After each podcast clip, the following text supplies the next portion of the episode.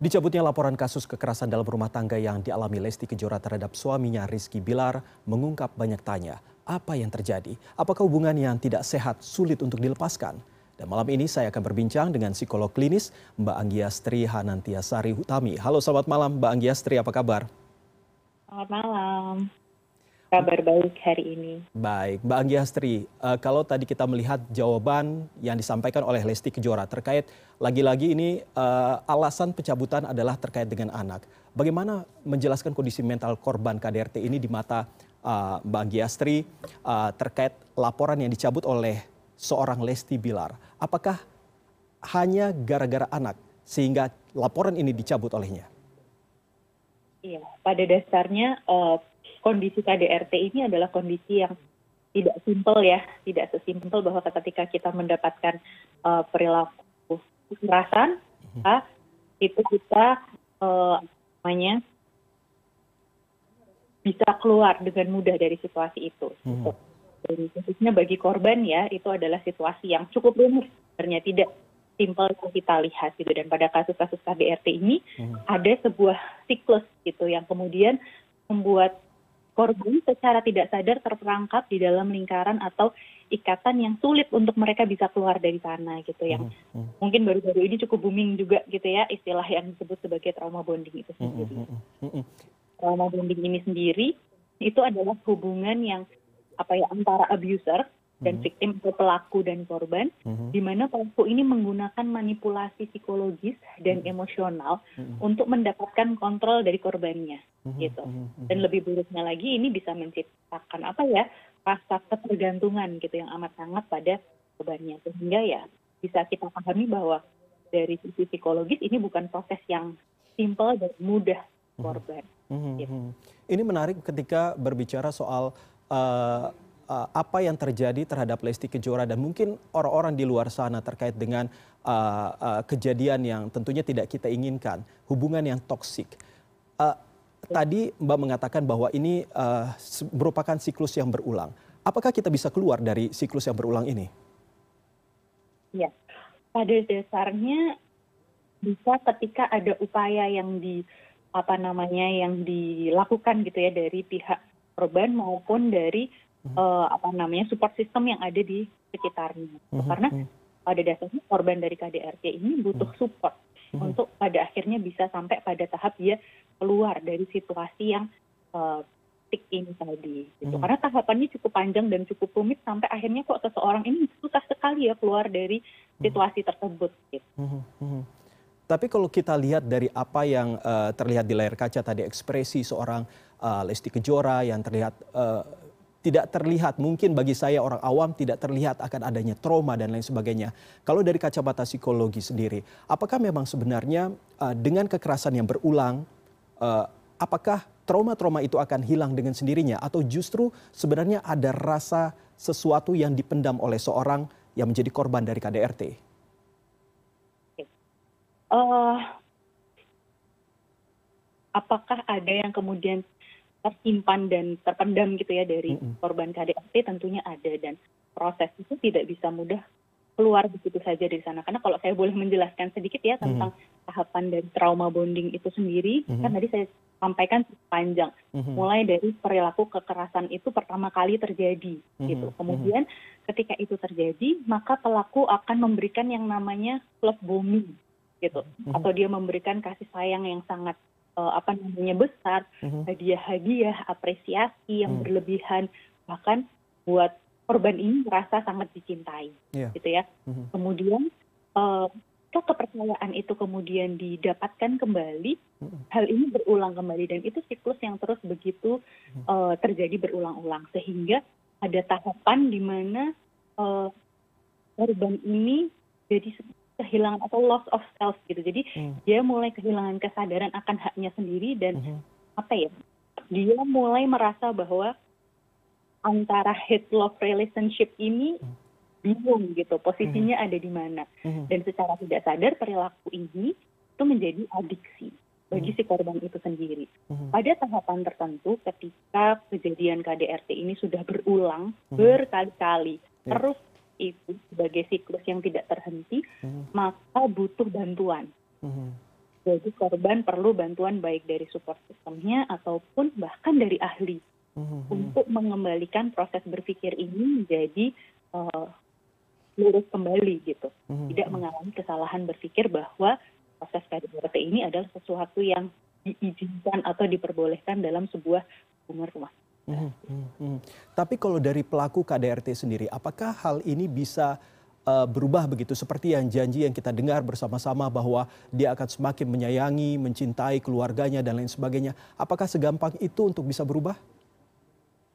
Ya, kalau kalau saya rasa pasti butuh proses ya gitu. Hmm. Ketika seseorang sudah terbiasa menggunakan kekerasan sebagai bentuk uh, apa namanya penyelesaian masalah pasti hmm. ini kan ada proses yang panjang. Yeah. Ini proses yang otomatis gitu ya pasti sudah terbentuk sekian lama gitu. Hmm. Akhirnya setiap ada masalah dia menggunakan kekerasan sehingga hmm. dalam hal ini ketika dua-duanya memang ingin memperbaiki kondisi rumah tangga menjadi lebih baik lagi, hmm. tentunya perlu ada proses untuk meng, apa ya menghubungi ahli hmm. supaya dua-duanya juga berproses. Hmm. Bahwa si korban pun pulih dari situasi uh, siklus trauma bondingnya tadi hmm. dan si pelaku ini juga mendapatkan treatment pada uh, perilaku hmm. emosionalnya itu hmm. gitu hmm. sehingga dua-duanya juga nanti akhirnya bisa berjalan dengan baik Gitu. Mm-hmm. Dua-duanya saya rasa perlu untuk mendapatkan penanganan dari ahli. Oke, apakah ini artinya bahwa untuk uh, bisa keluar dari masalah ini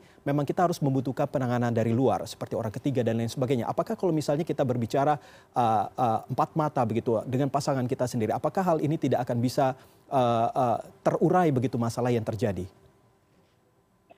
Selama kesadaran dari masing-masing itu tinggi, ya hmm. pada dasarnya tidak ada yang tidak mungkin, hmm. gitu ya. Hmm. Tetapi hmm. ketika ini sudah menjadi sebuah perilaku yang menetap, hmm. ya terkadang itu menjadi proses yang tidak simpel itu tadi, gitu. Ada proses di otak di mana seseorang akhirnya menggunakan itu sebagai uh, mekanisme mereka, gitu. Cara mengatasi masalahnya adalah dengan cara demikian, hmm. Hmm. sehingga jauh lebih baik ketika menemui ahli dan itu akan membantu mereka untuk mengurai. Sebenarnya ada permasalahan apa sih dari masing-masing sehingga ini kan sebenarnya kayak text to tango gitu ya antara hmm. pelaku dan uh, korban ini kan apa hubungan yang saling terikat gitu ya. Hmm, hmm, satu melakukan kekerasan yang satu menerima perilaku kekerasan. Sehingga itu yang kemudian perlu diurai. Kenapa yang satu uh, sangat mudah mengeluarkan perilaku kekerasan, mhm. sedangkan mm-hmm. satu mudah juga untuk mendapat apa ya menerima mm. pelaku kekerasan ini. Itu perlu dicari perlahan-lahan sehingga itu kemudian bisa diurai. Oke, okay. oke, okay. Mbak Anggiastri, tentunya uh, dalam uh, suatu hubungan begitu ada tahapannya. Apakah uh, dari kacamata Mbak Anggiastri sendiri uh, bisa kita ketahui bersama-sama apakah seseorang itu punya uh, kecenderungan untuk melakukan kekerasan, terutama dalam uh, rumah tangga nantinya akan dibina? Apakah seseorang punya kecenderungan untuk melakukan kekerasan? Ya, hmm. Ya, pada akhirnya uh, seperti yang saya sampaikan bahwa jika seseorang melakukan kekerasan itu adalah bentuk manifestasi dari proses belajar dia. Hmm. Hmm. dia mulai dari kecil sampai dia bertumbuh uh, di usia hmm. remaja sampai dia menikah, hmm. sehingga ya kemungkinan itu sangat bisa muncul ketika mungkin dia tumbuh dalam situasi keluarga yang mungkin juga tidak mendukung dia untuk berperilaku secara positif, hmm. punya kemampuan regulasi emosi yang baik, hmm. gitu. Karena pada dasarnya ketika seseorang itu punya kemampuan regulasi emosi yang baik, hmm. dia akan mampu menyelesaikan masalah dengan cara yang adaptif, hmm. ya, hmm. mengkomunikasikan apa yang tidak dia sukai dengan cara yang baik, dia bisa mengkomunikasikan secara efektif hal-hal apa saja yang dia butuhkan dari pasangannya gitu. Hmm. Nah, ketika seseorang melakukan kekerasan berarti kita lihat nih proses ke belakangnya gitu. ya. Jangan-jangan ada yang salah dari proses dia bertumbuh dan berkembang sehingga hmm. satu-satunya cara yang dia tahu untuk mengatasi masalah adalah menggunakan kekerasan hmm. untuk mendapatkan pengakuan ataupun untuk mendapatkan posisi gitu ya hmm. di orang yang um, jadi objek apa namanya kekerasan itu tadi. Oke, okay. uh, uh, lagi-lagi uh, selain uh, korban, tentunya yang menjadi korban di sini adalah anak-anak jika memang sudah memiliki anak. Lalu bagaimana kalau misalnya uh, dari kacamata psikologi melihat anak-anak agar tidak trauma melihat orang tuanya yang uh, apa namanya tidak akur begitu, terjadi kekerasan dalam rumah tangga. Apa yang harus dilakukan ke depannya, terutama untuk anak-anak ini? Tentunya dalam proses ini kita perlu memberikan pendampingan pada uh, korban, pada ibu gitu ya yang hmm. kebetulan di sini menjadi korban dan dari situ juga kita perlu memberikan pendampingan pada anak. Hmm. Gitu. Sehingga ketika anak menyaksikan perilaku KDRT yang terjadi pada orang tuanya entah itu pada ibu ataupun pada ayahnya mm-hmm. ini adalah peristiwa yang traumatik juga tentunya mm-hmm.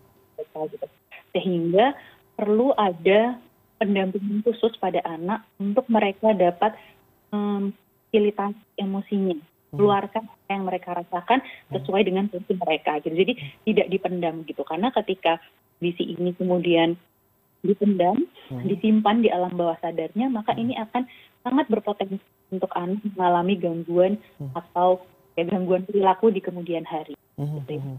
Oke, okay. um, um, terkait dengan apa yang harus dipahami oleh masyarakat, terutama yang uh, memiliki hubungan yang tidak baik begitu. Mungkin dari kacamata uh, Mbak uh, bisa disampaikan apa yang harus kita lakukan agar uh, hubungan dengan pasangan itu bisa tetap harmonis.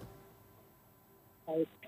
Uh, ya tentunya ketika kita berharap hubungan itu harmonis, masing-masing individu ini perlu untuk mengenal dirinya masing-masing gitu ya. Hmm. Apa yang menjadi kelebihan masing-masing, apa yang menjadi kekurangan masing-masing, hambatan-hambatan atau trigger uh, zone apa, trigger zone apa yang kemudian membuat mereka sering kali terpicu. Sehingga ketika mereka memahami dirinya sendiri, maka mereka akan mampu untuk uh, memahami juga tangannya. Dari proses inilah kemudian uh, masing-masing perlu terbuka mengkomunikasikan masing-masing kebutuhannya itu seperti apa. Oh, apa namanya? Uh, kebutuhan itu sebagai individu itu seperti ini. Kemudian mengkomunikasikannya pada pasangan mm-hmm. dan melakukan kompromi pada hal-hal apa saja yang bisa diterima dan tidak bisa diterima. Mm-hmm. Begitu. Jadi mm-hmm. intinya dalam hubungan apa namanya hubungan berpasangan komunikasi adalah hal yang penting. Mm -hmm. Oke, okay. uh, eh, uh, eh, uh, eh, tapi kalau misalnya Mbak uh, Mbak Anggiastri uh, ada uh, pasangan yang takut untuk melaporkan, mungkin saja takut aibnya terbongkar atau tidak mau sampai orang tuanya tahu dan lain sebagainya, apa yang harus dilakukan? Oke, okay. uh, tentunya mencari support system, tumbuh kesadaran bahwa perilaku kekerasan itu adalah sesuatu yang tidak bisa diterima, hmm. itu adalah hal yang sangat penting. Hmm. Sehingga menumbuhkan kesadaran inilah yang menjadi apa ya satu proses hmm. korban ini akhirnya bisa keluar gitu. Karena kalau hmm. kesadaran ini tidak muncul ya apa ya asumsinya kan korban itu berada pada posisi inferior gitu ya, hmm. yang kalah sehingga ketika mereka tidak muncul kesadarannya ya mereka akan berkubang pada siklus yang sama terus-terus mm-hmm. gitu sehingga mm-hmm. memang perlu muncul kesadaran perlu muncul keberanian mm-hmm. untuk menyatakan pada diri bahwa perilaku kekerasan apa pun bentuk baik itu verbal maupun fisik mm-hmm. itu tidak dapat diterima. Oke, terakhir Mbak Agiastri, kalau melihat apa yang terjadi antara Lesti Kejora dan juga Rizky Bilar yang awalnya sempat melaporkan kejadian KDRT lalu uh, menarik kembali laporannya, apakah ini akan bahagia selanjutnya atau justru semuanya akan berubah? Baik, pada akhirnya kebahagiaan itu tidak bisa diprediksi gitu ya gitu. Karena dalam hidup rumah tangga pun pasti ada ups ada downs-nya juga gitu. Nah, pada akhirnya apakah akan bahagia atau tidak ya tergantung dari bagaimana dua individu ini baik Lesti ataupun uh, Rizky Bilar menjalani rumah tangganya gitu. Dan berkomitmen pada ya apa yang kemudian sudah disepakati kembali tadi gitu. Dan harapannya tuh dua-duanya mau berproses untuk uh, menyelesaikan permasalahan ini tidak hanya sekedar apa yang janji manis saja di awal tetapi mau hmm. benar-benar berproses pada uh, kekurangan masing-masing hmm. kemudian ya memaksimalkan potensi-potensi berdua untuk kemudian melanjutkan hubungan ini sehat secara uh, mental. Hmm. Baik, baik. Mbak Anggiastri Hanantiasari Utami, psikolog klinis, terima kasih sudah berbincang dengan kami sore hari ini. Terima kasih, selamat sore. Selamat sore. Akselerasi digital di berbagai sektor terus digenjot guna memulihkan kondisi ekonomi termasuk sektor industri aviasi. Simak informasi selengkapnya usai jeda berikut.